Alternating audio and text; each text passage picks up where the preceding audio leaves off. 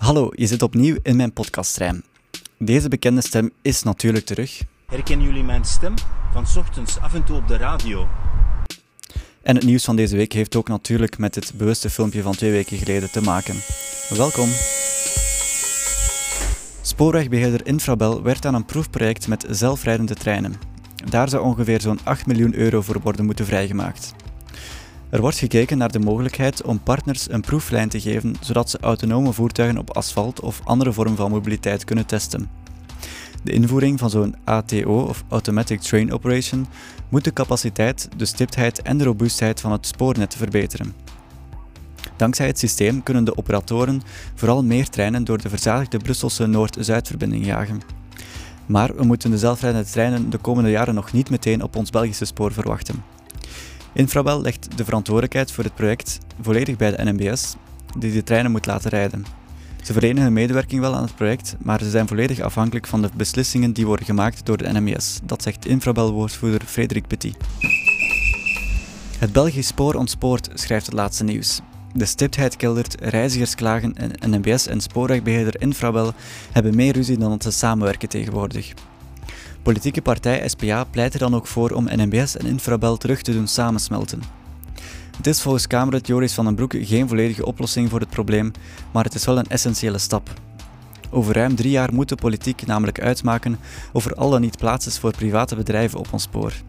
Er is ook nog een mogelijkheid om het monopolie van NMBS nog tien jaar zoals nu te laten, maar dan moet ons spoorbedrijf wel bewijzen dat ze echt in staat is om goed te functioneren. En om daarin te slagen pleit Joris van den Broeke ervoor om NMBS en Infrabel terug samen te doen smelten. Volgens hem is het alleen maar bergaf gegaan met de twee bedrijven sinds de splitsing in 2005. Nu is het dus wachten tot 2023 dus. Je herinnert je misschien wel het bewuste filmpje van dit fragment. Hallo, ik ben Thomas Baken. Jullie herkennen mij misschien van op het nieuws. Af en toe struikel ik jullie huiskamer wel eens binnen op de televisie. Nee? Hmm. En, en wat met mijn stem? Herkennen jullie mijn stem? Van ochtends af en toe op de radio. Ook niet? In dit filmpje maakt Thomas Baken, woordvoerder van Infrabel, reclame voor de Nacht van de Woordvoerder. In die nacht wordt bekendgemaakt welke woordvoerder wordt bekroond tot beste woordvoerder van het jaar. En raad eens wie die prijs heeft gewonnen. Helemaal juist, Thomas Baken dus. Hij werd bekroond tot woordvoerder van het jaar door zijn heldere en open antwoorden in interviews. In 2015 was hij door journalisten ook al eens verkozen tot best bereikbare woordvoerder van het jaar. Feest dus bij Infrabel.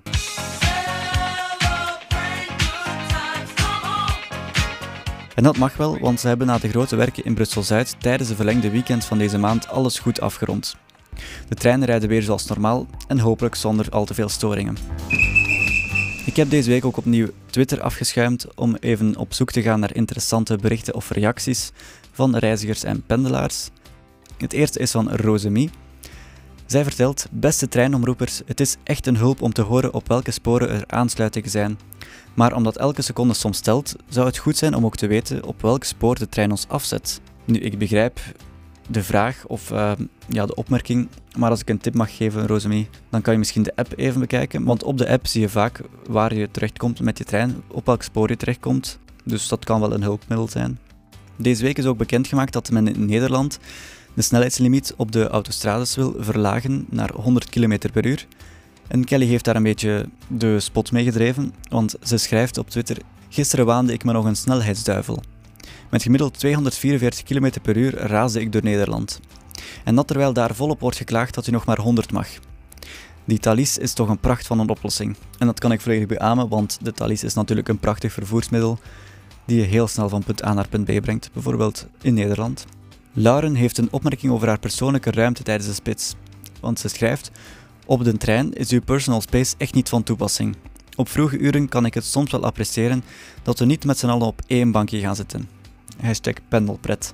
Nu, ik begrijp volledig haar reactie, want ik heb het ook al meegemaakt dat ik met een drietal mensen, of soms met gewoon te veel mensen dan mogelijk is, op een bankje ga zitten in de trein. Dat is heel vervelend, want uh, het valt wel eens voor dat er mensen zijn die minder aangenaam ruiken of gewoon waar je minder dichtbij wil zitten en je kan ook gewoon van je persoonlijke ruimte genieten. Dus is het niet aangenaam als mensen die persoonlijke ruimte komen betreden. Dus ik begrijp de frustratie volledig. Want overvolle treinen zijn nu eenmaal een jammer probleem in de spitsuren. Ik weet niet of je al in het station van Brussel-West bent geweest, maar Jasmin heeft daar vol lof over getweet. Ze schrijft: Dit weekend was de hel om te treinreizen. En dan verwijst ze naar het verlengde weekend van 19 en 11 november. Maar hoe mooi is het onbekende slash onbeminde Brussel-West? En die tweet is ook vergezeld met een aantal mooie foto's van het station Brussel-West in de avond, dat ook prachtig verlicht is. Wil je nu zelf graag eens reageren op een opmerkelijke gebeurtenis die je hebt meegemaakt, of heb je iets gezien dat gewoon niet spoort? Laat het me dan zeker weten. Je kan me namelijk een audiobericht inzenden via de link die hier in de beschrijving staat van deze podcast. Als je zelf nu graag niets inspreekt, dat kan ik begrijpen, kan je me ook een bericht sturen via Twitter of Facebook en dat vind je ook in de beschrijving. Graag tot volgende week en nog een prettige reis.